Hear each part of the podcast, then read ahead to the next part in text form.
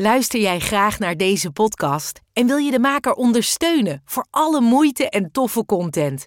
Geef dan, als je wat kan missen, een digitale fooi. Dat doe je via fooiepot met een d.com zonder abonnement of het achterlaten van privégegevens. Dus fooiepot met een d.com.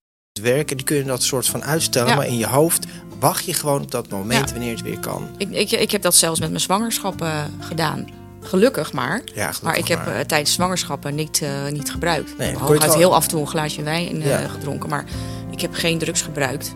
En eh, ja, maar ik, ik was wel aan het, aan het afwachten tot, tot, tot het eind van die zwangerschap. En niet zozeer eh, dat ik uitkeek naar dat kindje. Ja, Dat vind ik heel erg. Ik bedoel, tuurlijk was uiteindelijk het geboren was heel erg blij ermee. ja. Maar ik was ook blij dat die zwangerschap voorbij was. Want dan kon je weer, Want dacht ik, ja, borstvoeding lukte bij Ja. mij niet. Dus ik dacht, nou ja, ik vind het eigenlijk helemaal niet zo erg dat dat niet lukt. Want dan Nee. kan ik zo heel snel weer drinken. Ja. En Als je denkt dat een verslaafde iemand is die onder een brug ligt, nou dan heb je het mis. Want mijn volgende gast is hoger opgeleid, heeft een hele succesvolle zus, een bekende schrijfster, heeft twee kinderen en ziet er gewoon super netjes en verzorgd uit. Het is niet iemand die onder een brug ligt of in een kartonnen doos ligt. En toch denken veel mensen nog over verslaving dat dat er zo uitziet.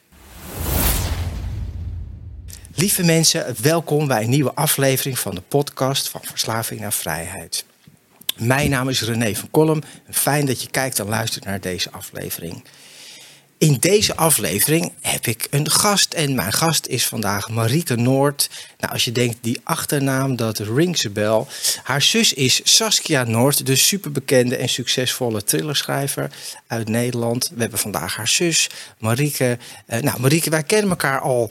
Ja, we hebben elkaar ontmoet op de dag van herstel. Hè? Ja. Dat is een jaar geleden met Dan Carity. Deden we een soort college tour voor een hele Ja. grote zaal. Dat was best wel spannend en ook Ja, heel leuk. zeker, ja. Nou, en je werkt zelf eigenlijk ook als, eh, we hebben het net over gehad, in de GGZ als ervaringsdeskundige. ja, Niet bij mij, maar ergens anders in, in Nederland. Ja. En, ehm, maar je hebt ook een heel verhaal en je hebt een heel verslaving achter de rug. Je vertelde net, fantastisch, wanneer is het aankomende? Donderdag dag- eh, 29 juni, acht jaar. ben je acht jaar in Ja. herstel en clean. Nou, Ja, maar goed, daar zit, is wel iets aan vooraf gegaan. ja. En als Ja. we nou gelijk teruggaan naar het allerlaagste punt in jouw verslaving. Mhm. Hoe zou je dat kunnen omschrijven? Wat was echt het moment dat je in het diepste en donkerste gat zat? Ja, nou, dat is, dat is, dat is acht jaar geleden. eh, iets meer dan acht jaar geleden. Vlak voordat ik weer eh, de kliniek in ging voor de vijfde keer. Weer naar Zuid-Afrika voor de tweede keer. Ik eh, was op dat moment, eh, eh, waren mijn kinderen niet meer bij me. Want ik heb een co-ouderschap, die konden niet meer bij me komen. Ik was mijn baan kwijt voor de tweede of derde keer, ik weet het niet eens meer. En ehm, inmiddels begonnen ook mijn ouders en mijn zus zich van mij af te keren. Mijn zus eigenlijk al een tijdje trouwens. En ehm, ja, voor mij was het allemaal verloren. Ik ging alleen maar meer gebruiken. Ik bedoel, geen baan, geen kinderen. Ik had al zo vaak geprobeerd in herstel te komen. En ik dacht, eh, ja, ik ben waarschijnlijk een van die... Ik kan het niet, lukt mij niet. Dus ja, het liefst ga ik nu gewoon dood. En eh, ik ben op dat moment ook eh, op een gegeven moment overgestapt op speed. Ik gebruikte veel cocaïne. Maar ja, dat is natuurlijk heel erg duur. Dus mijn geld raakte ook op. Ja. Dus ik ben speed gaan gebruiken. Nou, toen ging het helemaal hard. Toen, toen werd ik echt, zeg maar, nou ja, die, die junk. Ik lag niet onder een brug, maar thuis met de gordijnen, Gordijnen dicht. Ik had alleen mijn hond nog, ehm, die, waar ik af toe naar buiten moest. En eh, de drugs werden aan me in de brievenbus bezorgd. Ehm, en op een gegeven moment toen weet ik nog dat ik op die bank lag.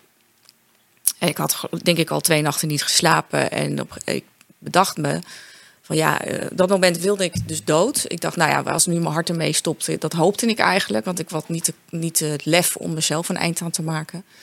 Maar ik was er zo slecht aan toe. Ik dacht, nou ja, weet je, het is ook wel oké.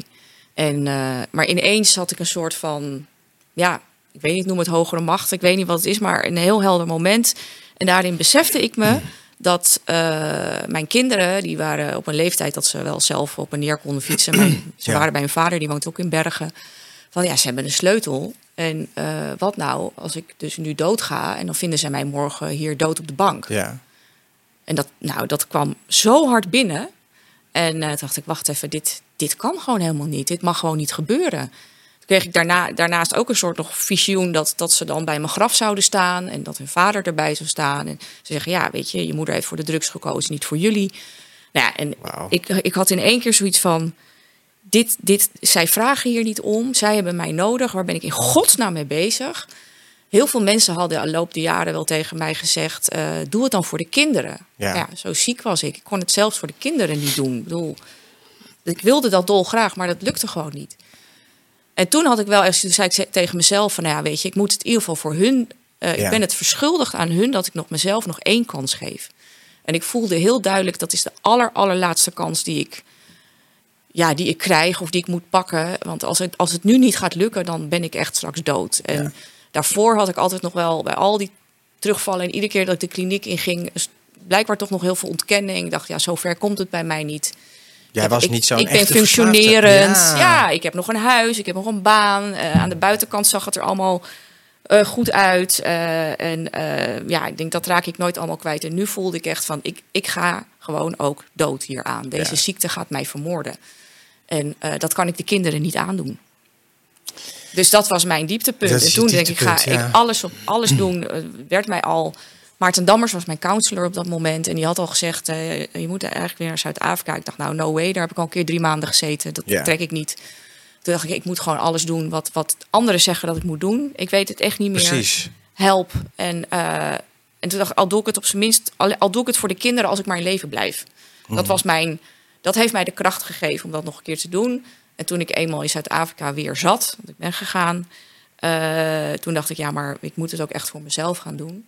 En eh, dan ben ik ook voor de kinderen een leukere moeder. En dan krijgen ze ook weer een toekomst. Maar dan moet ik ook mezelf een toekomst gaan geven. Ja, wauw. Nou, dat is een behoorlijke Zo, nou, introductie. Ja, nou, Ja. maar je zegt eigenlijk alles wat het eigenlijk omvat, hè, verslaving. Want het blijft toch voor veel mensen gewoon, zeker mensen die het niet kennen, gewoon een soort ongrijpbaar fenomeen. Zelfs voor Ja. mij is het nog wel zo, hè, terwijl we in ons werk er elke dag mee te maken hebben. Hè, mensen denken dan, ja, maar je hebt toch kinderen, je hebt toch dit, en dat Ja. kan je toch niet laten gebeuren. Ja. En toch is die verslaving sterker. Ja, en dat, is, dat was voor mij ook, dat maakte het ook zo eh, zwaar. eh, de, de schaamte en de schuld die ik voelde als moeder. Ik, ik heb kinderen en waarom? eh, er is niks onnatuurlijkers dan je kind niet op één te zetten. Ja, En ze stonden niet op één bij mij. Dat was de drugs ja. en de verslaving. Maar jij stond En- zelf ook niet op één. En, zeker niet. Nee. Ik, ik, ik, ik wilde het liefst niet bestaan. Ja. Weet je, ik, ik heb mezelf gewoon. Het was zo destructief. Het was één grote afwijzing. Ja, ik las ook een stukje ergens van, eh, we hebben natuurlijk even gegoogeld, en dat je in een interview hebt gezegd van ik deed alleen nog de gordijnen open af en toe, om, want je moeder fietste dan Ja. voorbij, dat ze even zag van hé, de gordijnen open en ze leeft nog. Ja, ja dat, is, dat is een beetje hoe je eh, eh, met elkaar een hele zieke familiedynamiek krijgt natuurlijk. Sowieso hadden mijn ouders al het gevoel van als die kinderen maar bij Marieke zijn, als Ja. dat een soort anti-drugsmiddel was, want dan gebruikt Ja. ze niet zoveel. Hè, dan zijn die kinderen bij haar, dan neemt ze nog wat verantwoordelijkheid. Dat deed ik ook wel. Ik gebruikte dan ook wel minder, maar ik gebruikte wel. Ja. En, eh, en als ze er dan niet zijn waren, en zeker toen ze helemaal niet meer kwamen, was het hek van de dam. En mijn moeder was natuurlijk heel bang dat ik het niet zou overleven. Dus wat zij dan deed, eh, zij loog daarover tegen mijn vader. Want dan ging ze vijf, ze woonde niet zo ver bij mij vandaan, ging ze vijf keer of tien keer, ik weet niet hoe vaak, maar de hele dag door mijn straat heen fietsen. Om te kijken of de gordijnen open waren. En zij had zich wijsgemaakt van als de gordijnen open zijn, dan leeft ze nog. ja, dan gaat het soort van goed, dan Ja, het, ja. ze durfde niet meer aan te kloppen. En, eh, of, of dat vond ze dan te eng. En ik, ik had voor mezelf bedacht... ja, ik moet aan de buitenkant in ieder geval een soort schijn ophouden... dat het soort van...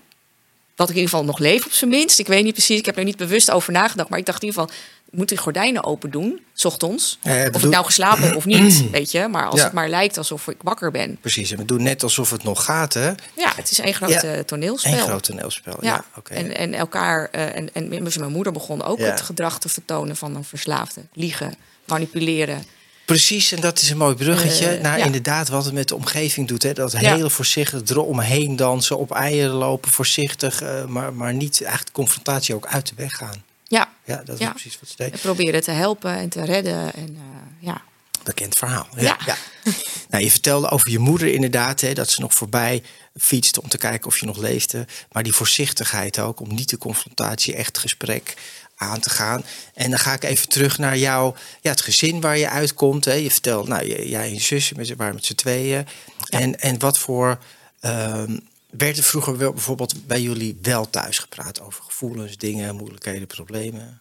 Ja, Wel? ja, ja er werd, er werd veel gepraat. Dus dat, dat was op zich niet het probleem, denk ik. Eh, ik. Ik kom eigenlijk uit een heel, wel een creatief gezin. Dus het was wel anders bij ons thuis dan bij, bij andere eh, mensen die ouders hebben met een doorsnee baan. Denk ik. Mijn vader is fotograaf. Mijn ouders hadden allebei een eigen bedrijf.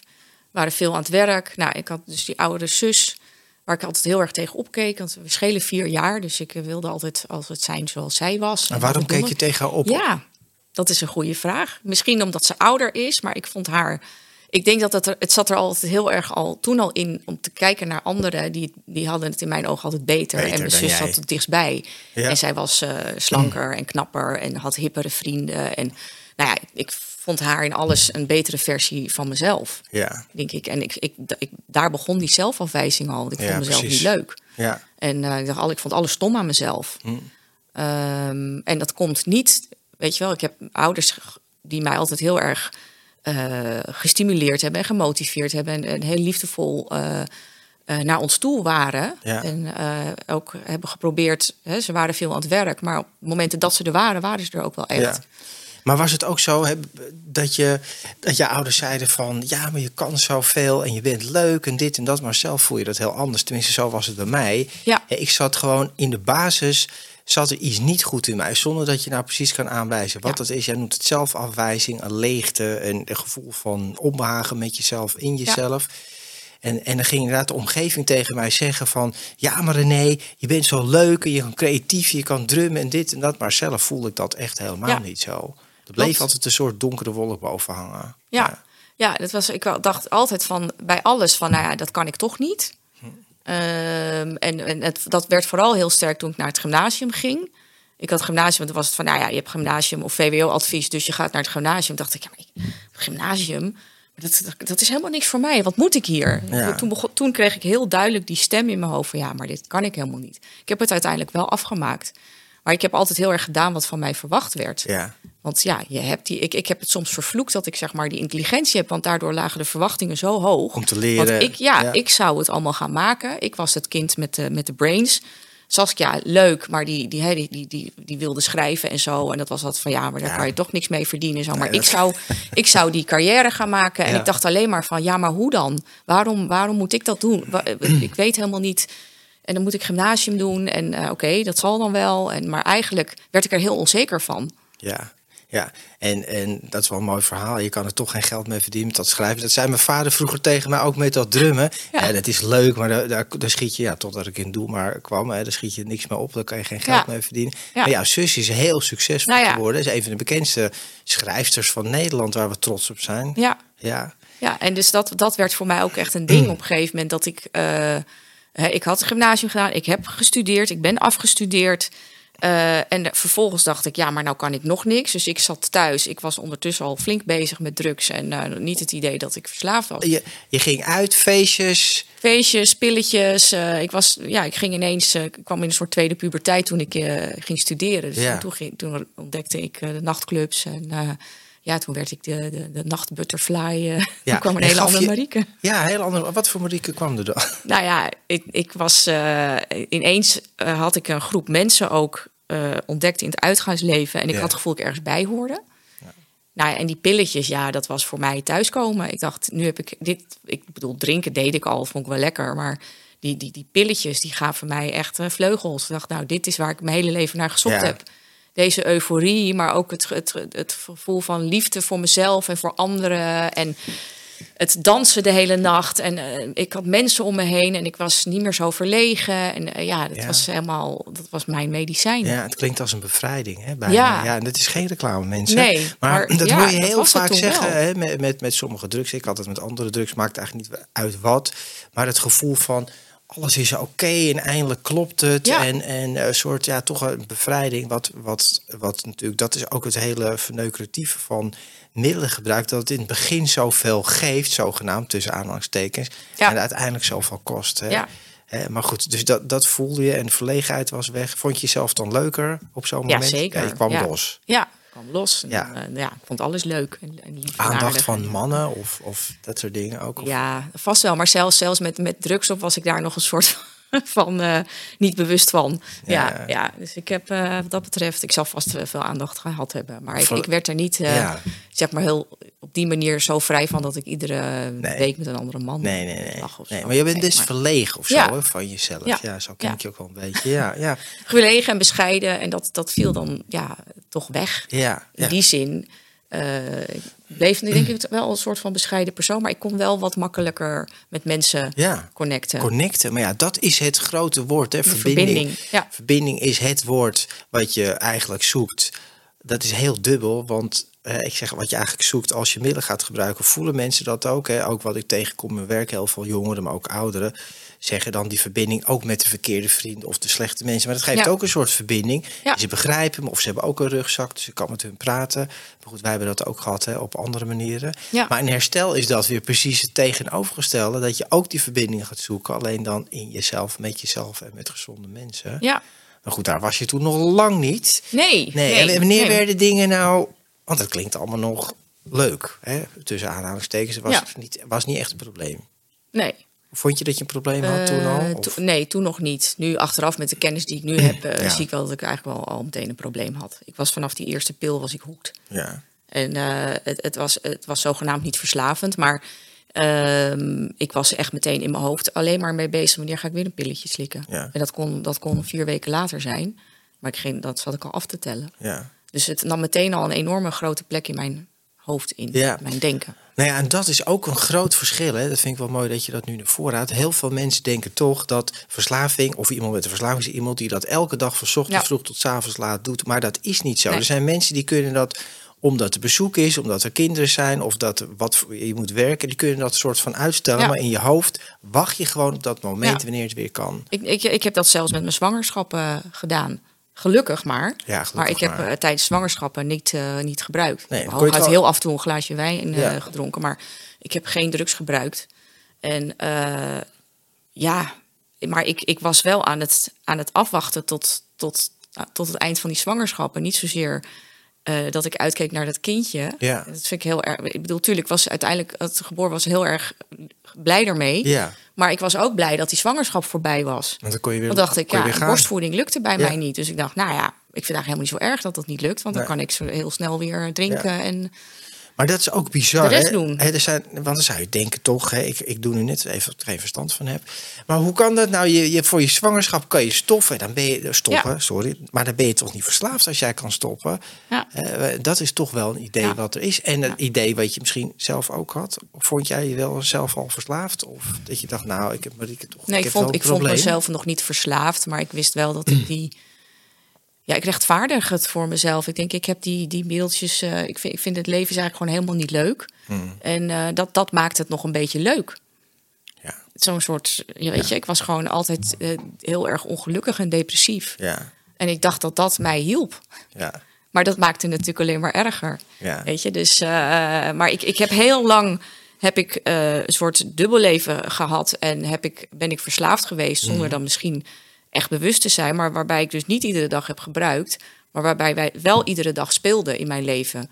En eh, alles Precies. daarom draaide. Om, Ja. om gelegenheid creëren. En, maar het hele gedrag van het, het, het liegen eh, binnen het gezin, eh, naar mijn, destijds naar mijn man toe. het, ja, het verbergen. Het, het was heel erg eenzaam. ja. Het is de, echt de, de allereenzaamste periode die ik ooit gehad heb. Ja. Ja. ja, en triest is het Ja. eigenlijk ook zo triest allemaal. Hè?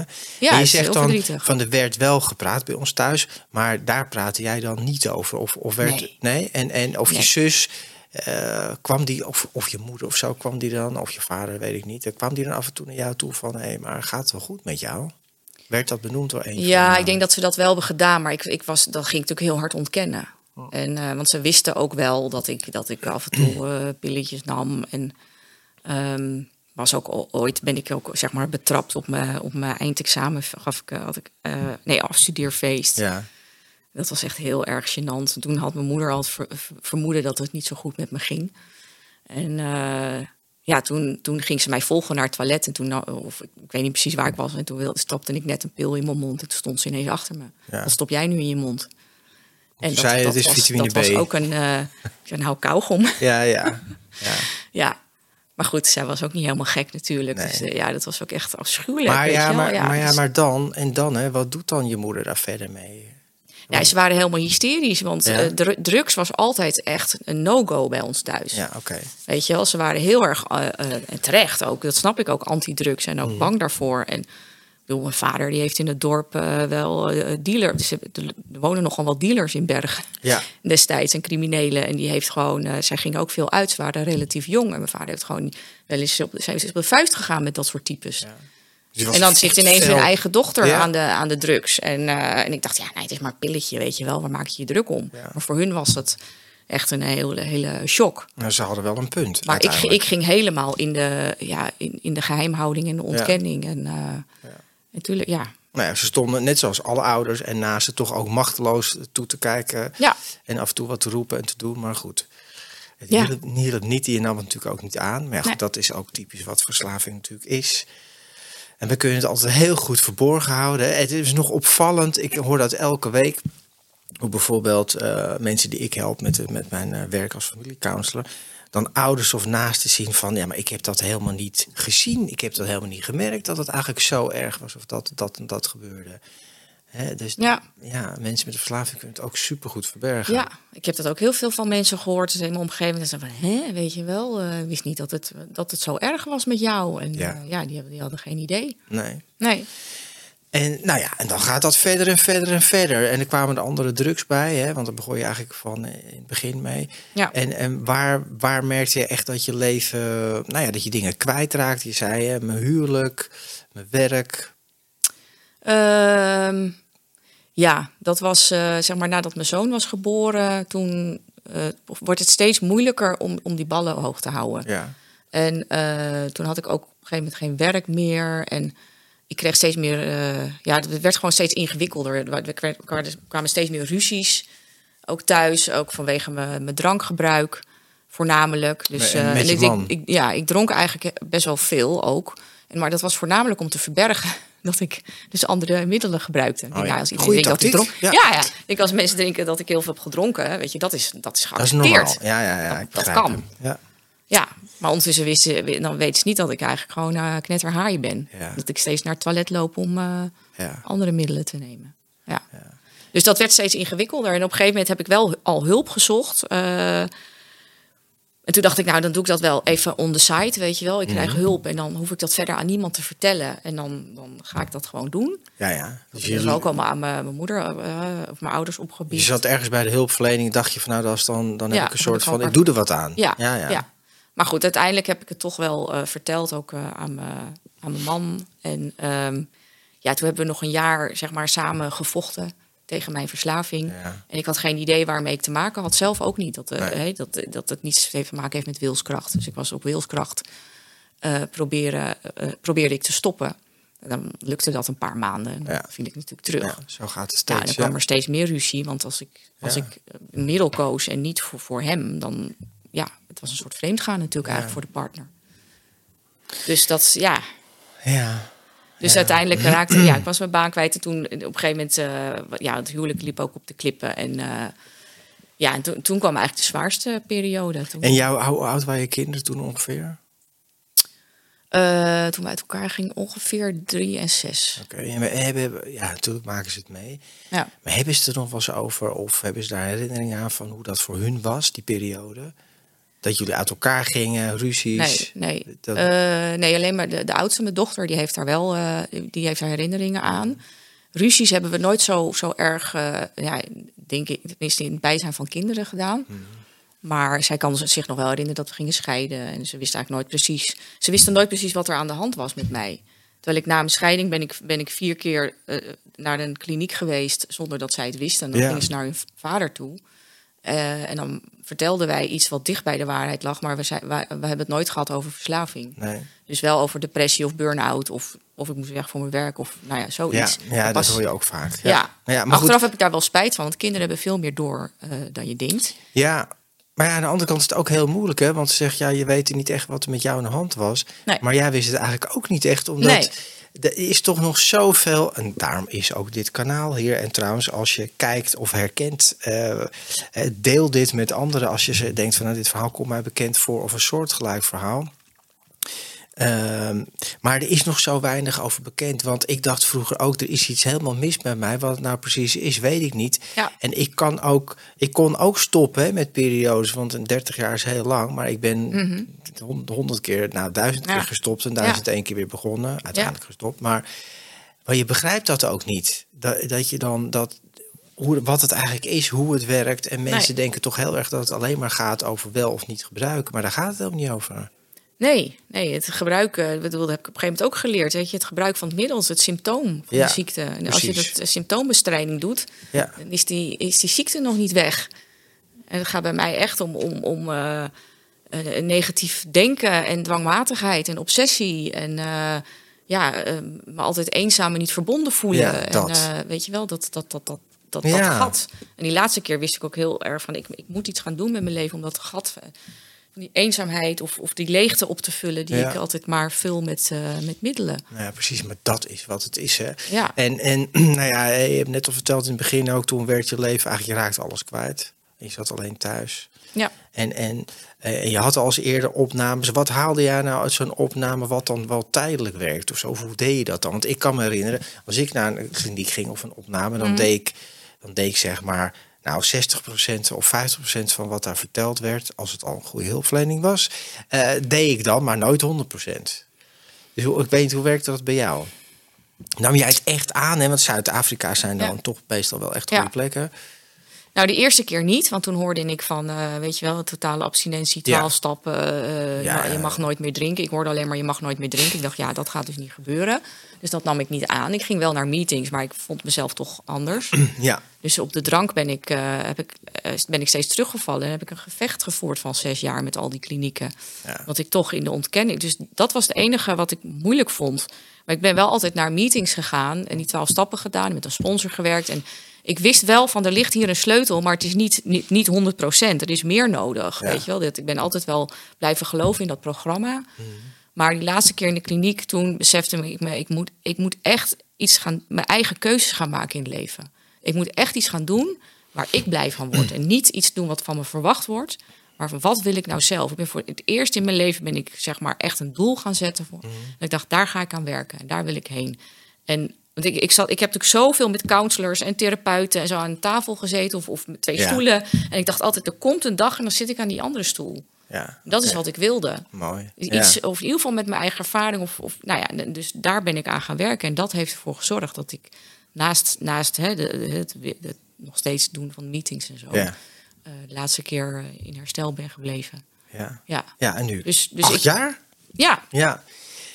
Maar wat ik ook merk bij jou, en ik weet niet hoe dat bij jou werkte, maar ik weet hoe het bij mij werkt. Jij kan heel goed praten, merk ik, Mhm. als ik met jou zit. Maar dat kan ook een ontzettende valkuil zijn als je natuurlijk in behandeling ja, En ik kon ook heel goed praten. En ik Ja. kon vooral inderdaad ook zeggen, ja, ja, ja, je hebt Ja. helemaal gelijk. Of ik begrijp het. Maar ik deed Ja. in mijn hoofd deed ik gewoon hele andere dingen ermee. ja, Hoe werkt dat bij jou? Toen, toen je in de kliniek zat, eh, en niet de laatste keer dat je echt hebt overgegeven aan het programma en ik ga doen wat zij zeggen. Dat is natuurlijk ook wel zoals het werkt. ja. Of dat Ja, ik had, rationaliseren. ik had toch wel. Ik had toch wel. ik heb toch altijd wel heel hard gewerkt in de kliniek. Want ik wilde, ik wilde gewoon heel graag echt ervan af. Ja, Kijk, die eerste keer niet, was ik gewoon nog niet zo ver. Maar die tweede keer ging ik voor de eerste drie maanden naar Zuid-Afrika. Toen dacht ik, oké, ik ga me. Toen dacht ik ook, ik ga me helemaal overgeven. Ik ga alles doen. Ik heb, me, ik heb eh, echt alles gedaan wat ze zeiden. Maar op een of andere manier, ja, ik weet niet. Ik kwam terug en heb ik het ja, vijf maanden volgehouden. En toen begon ik toch weer terug te vallen. En wat dat nou was, het, ik, ik bleef, dat is toch dat stukje ontkenning wat ik steeds heb gehad. Ehm, waardoor, en al is het maar 2%, weet je wel. Het was, niet, het was net niet 100%. ja. En eh, daardoor bleef ik, en ik bleef nog steeds doen wat van me verwacht werd. Dus ik ging altijd weer heel snel aan het werk. ja. Raakte ik weer stress, eh dan was ik weer ongelukkig, dan werd ik weer depressief. Ik bleef in zelfmedelijden zitten, ik bleef in de slachtofferrol zitten. En dat zorgde ervoor dat ik eh, steeds terugviel. ja. En die laatste keer was dat, ben ik daar, heb ik die knop echt omgezet. Dat, Maar- dat gaan we niet meer doen.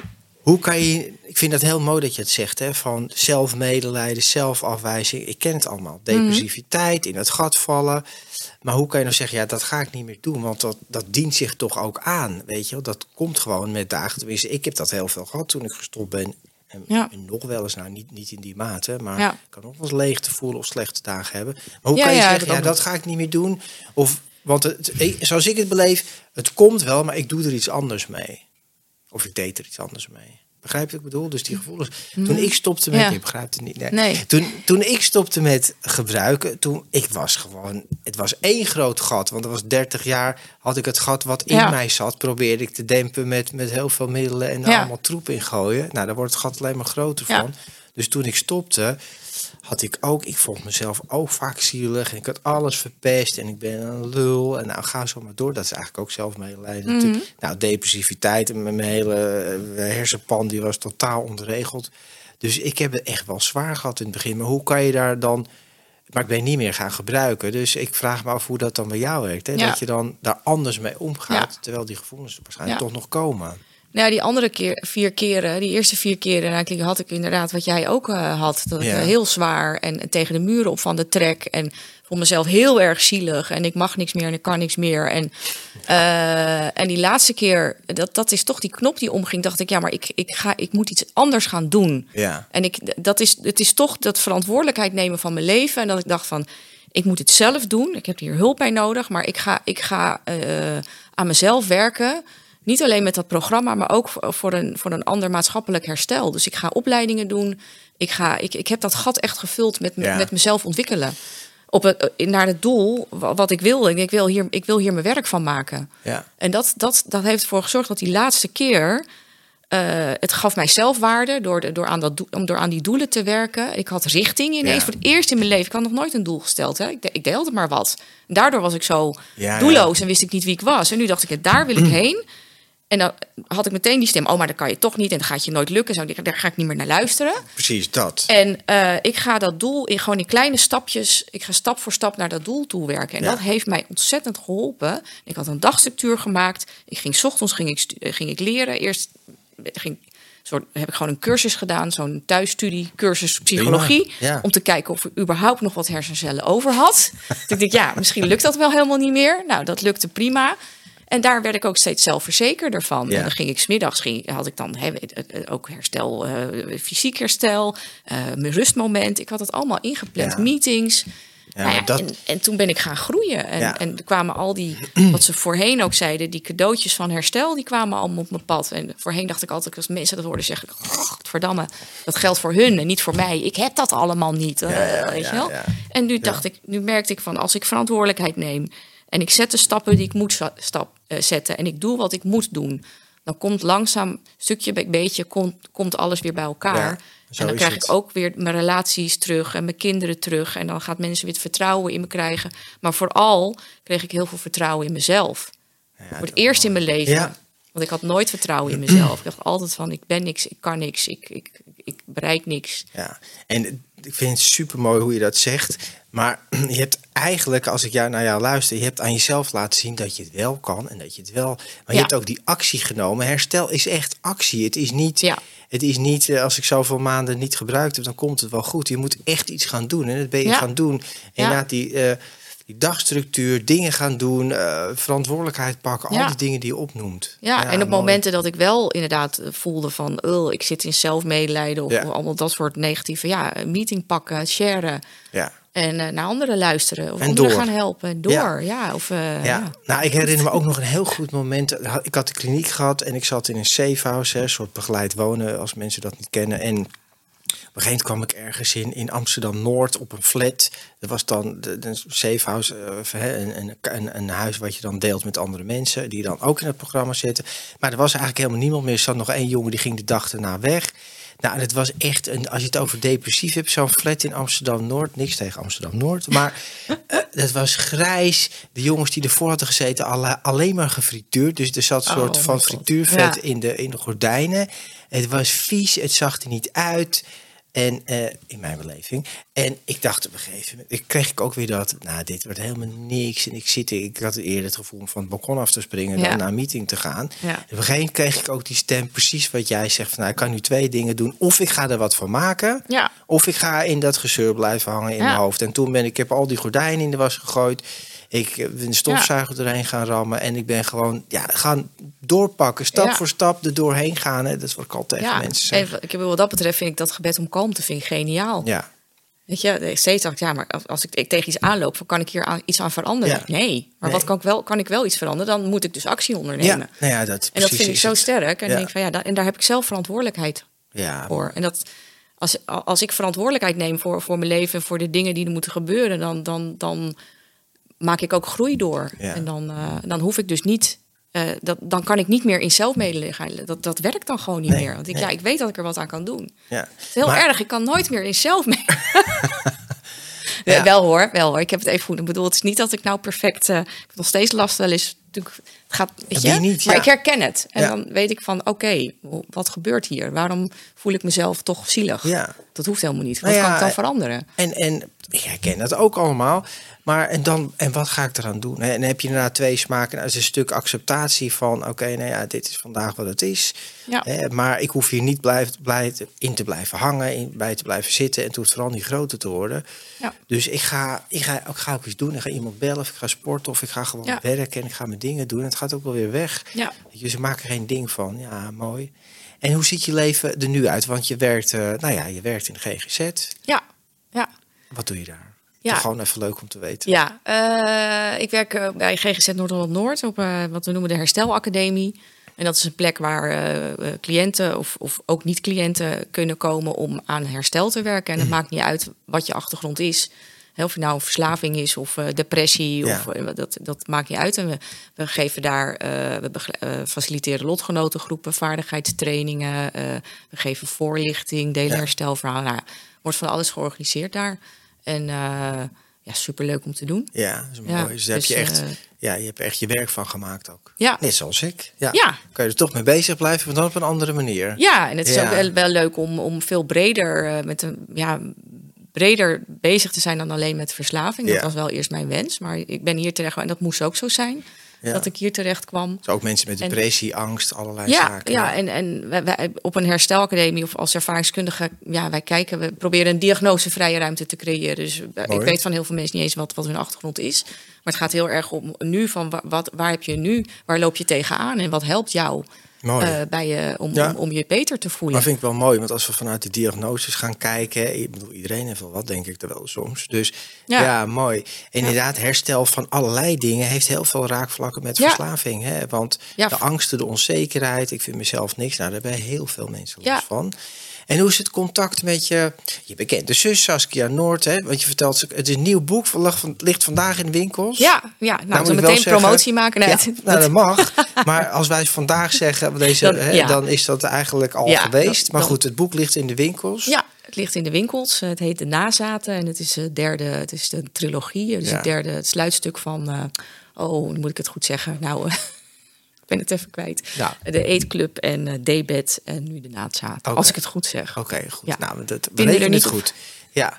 Maar hoe kijk jij naar je zus en hoe ze het contact herstelt? Hè? Je zus is succesvol en bekend. Ja, Maar hoe, eh, en hoe is het contact tussen jullie hersteld? Want ze heeft op Ja. een gegeven moment afsta- afstand van je genomen. Ja, zij heeft, eh, dat, dat was al een tijdje gaande en dat vond ik ook heel erg. Dat was ook voor mij een soort voedingsbodem om dan weer op te gebruiken. Ja. Dat van, want mijn zus die, eh, die zag me niet staan en eh, ik weet, die liet me niet toe in haar leven. Terwijl en dat, zij gaf wel- allemaal haar de schuld van natuurlijk. Terwijl zij wel bekend was. En ja, al en zij maakte was. natuurlijk de carrière die ik had Ja. moeten maken. Dus ik was gewoon, eh, ik voelde me zo eh, ontzettend eh, mislukt en gefaald. En zij deed het allemaal wel. Dus ik was ook eh, best wel jaloers erop. En ehm, ja, zij, zij, zij heeft gewoon heel duidelijk op een gegeven moment gedacht van... weet je, ik, ik, ik kan daar niet, niet eh, aan de zijlijn staan en zien hoe jij jezelf kapot maakt. Dus zij heeft eh, voor zichzelf, eh, ook om zichzelf te beschermen, zeg maar afstand genomen. En op een gegeven moment is zij ook, hebben nog wel een soort familiegesprek gehad met toen ook met Maarten erbij. En eh, dat ging er ook over of die kinderen nog bij me konden komen. En Ja. zij nam echt stelling, mijn ouders niet, want die vonden dat het toch ingewikkeld. Van luister, ik vind dat het niet meer gaat. Dus zij ze gaf heel duidelijk aan die kinderen, die gaan niet meer naar Marieke toe. Dat kan niet. Nou, en ik, ik heb haar om Ja. gehaat. Ik dacht, wat ben jij? Dat jij, zeg maar, niet mijn kant kiest. En zij heeft ook duidelijk gezegd toen van... luister, ik heb de illusie dat wij ooit nog een eh, band met elkaar om, op kunnen bouwen. Die, die heb ik echt al lang al eh, overboord gegooid. Ik geloof er niet meer in. Ja. En eh, dus we hebben enorme ruzies gehad ook. En eh, nou, weet je, dus dat is, was allemaal heel naar. Maar dat Ja. was echt klaar. Zij heeft mij echt... En, eh, en ik snap dat ook. Nu, achteraf, snap ik het heel goed. Maar toen was dat heel ja, pijnlijk. Was zat vol in mijn Ja. actieve verslaving. Dus Super het was- confronterend. ja. Iedereen had het gedaan, natuurlijk. en, eh, en ze had gelijk, weet je, die kinderen. Dus ik ben, nu ben ik er dankbaar voor dat zij dat... dat Hoe pijnlijk is dat, hè? Als iemand op die hele pijnlijke plek, plek drukt die je precies niet wil horen. nee, nee. Hij heeft ze goed gedaan. Ja, en, en, en het, het was ook wat ik nodig had. Ja, precies. En ook dat mijn ouders zoiets hadden van, weet je, wij, wij weten het ook niet meer. Wij Ja. stoppen er ook mee. En mijn zus die, die me niet meer wil zien. En eh, dat, dat, was, dat, dat moest gewoon zo zijn. Ja. En hoe is dat nu? Hoe is En- dat weer hersteld? Nou, ik wist wel dat ik toen ik uit de kliniek kwam... eh, ik voelde echt, het is deze keer anders. Maar ja, dat kunnen zij niet weten, dat het, Nee, dat het anders Dat is. zei Want ik ook wist het gewoon. Het is nu echt heel Ja, anders. dat heb ik al vier keer gezegd. Ja. Dus, eh, dus eh, kijk, mijn ouders waren wel natuurlijk meteen alweer. En, Ja, hè, dat zijn ouders. Uiteraard. Ja.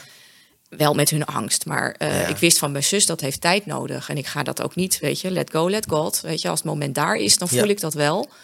Eh, dus ik, heb daar, ik, ik moet eerst laten zien dat het ook echt anders is. Dus ik ga eerst wel gewoon mijn ding doen.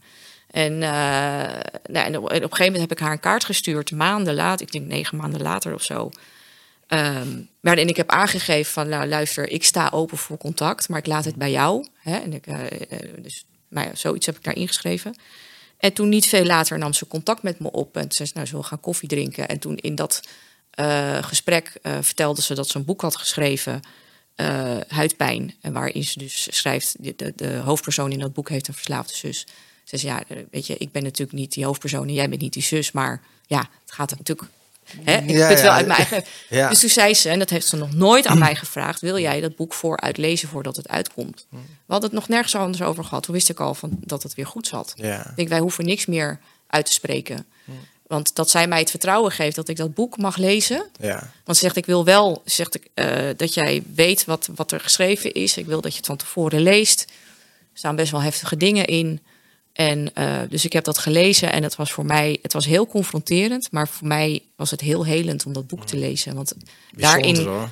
Snapte ik waarom zij afstand van mij had genomen. Ja. En wat er. eh, Een soort therapie eigenlijk Ja. ook tussen jullie twee. ja. Ja. En eh toen vielen alle puzzeltjes op zijn plek. En sindsdien zijn we weer gaan, gaan, gaan bouwen aan onze relatie.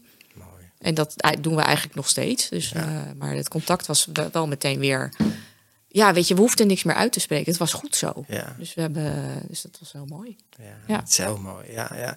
Nou ja, zo is het ook. Hè. Als je gewoon echt in herstel komt. Mensen vragen ook wel eens aan mij: hoe weet ik nou of hij of zij clean of in herstel is? Nou, dat ga je echt wel merken, want dan gaat het hele gedrag veranderen. Ja, Als het goed is. Als dat niet goed Ja. is, dan, dan is het ook niet goed. nee, Hè, dus precies. dat, dat merk je echt aan iemand. Dan gaat echt alles veranderen. Dus. En, en andersom merk je het ook. Als dat dus niet verandert of het is meer van hetzelfde, dan zijn ze dus niet in herstel. Hè? Ja. Maar goed, uiteindelijk is dat ook hersteld. Ja, het is, het is natuurlijk, verslaving is natuurlijk ook een heel, voor een heel groot deel is het gedrag. Nou ja, dat, is, dat zeg ik steeds tegen mensen. Misschien wel 80 procent. Ja, ja. 80%, misschien is het 70%, maar Ja. dat is het gewoon. ja. Dat is ook precies wat er veranderd moet worden. Het, eh, Het begint met eh, stoppen met je middelen, wat het ook is. Of je gedrag, ja. gamen, gokken enzovoort. Ja. Maar dan dat hele stuk gedrag gaan pakken. Ja, als ik mijn gedrag niet verander, als ik niks verder verander, dan, dan krijg ik weer hetzelfde resultaat. Hè? Dus dat eh, ja. moest ik ook leren, heb ik ook moeten gaan inzien. Ja, Maar ja, ik moet, moet niet alleen stoppen met dat middel, ik moet gewoon mezelf opnieuw uitvinden. Ja, ja, Dus dat denk ik echt het moeilijkste wat ik ooit gedaan heb. ja, ja, mooi. En, eh, ja. Nou, Marieke, ik vind, ik, ben- je hebt fantastisch goed verteld. Ik ben heel trots op je. Acht jaar is, nou ja, acht Nou, jaar is ja. eh, acht jaar, hè? Dat is Dat eh, niet eh, verwachten hoor, een Nee. acht jaar geleden. Nee. Nee, nee, ja, goed weet je. Dus, eh, en eh, het laat ook maar zien dat het voor iedereen kan. Maar Ja. laat ook zien dat, eh, ook als je heel goed kan praten en je bent hoger opgeleid, eh, dat je ook gewoon hartstikke verslaafd kan raken. Dat het Ja. er allemaal niet in zit. En dat het, het ook niet specifiek helpend is bij herstel om een goed stel hersens te hebben. Hè? Dat Nee. kan juist eh, alleen maar... Tegenwerken, ja.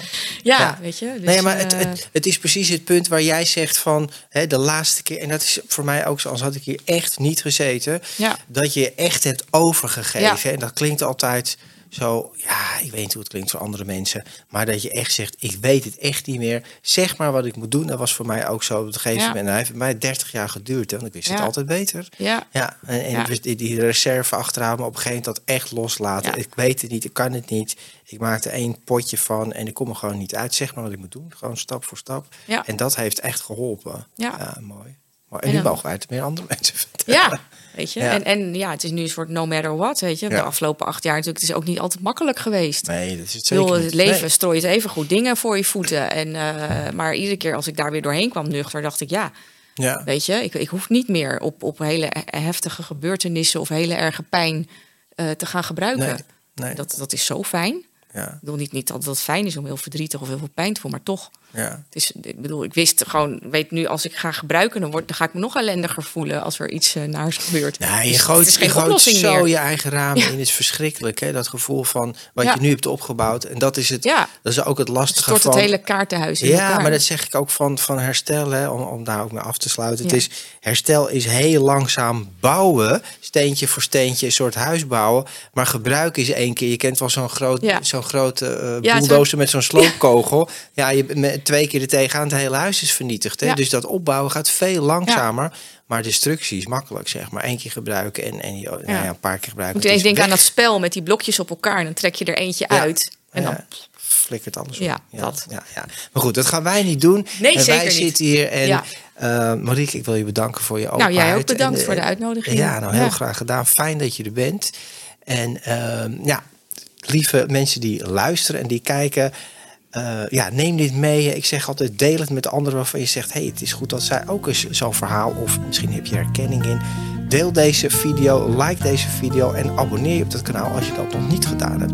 Eh, deel het op welk platform je ook zit. En dank je wel voor het luisteren en het kijken. En ik hoop jullie te zien bij een volgende aflevering. Dank je wel. Luister je graag naar deze podcast? Laat de maker weten dat je waardeert wat hij of zij doet en geef een digitale fooi. Dat kan zonder abonnement, snel en simpel via fooiepot.com. Fooiepot met een d.com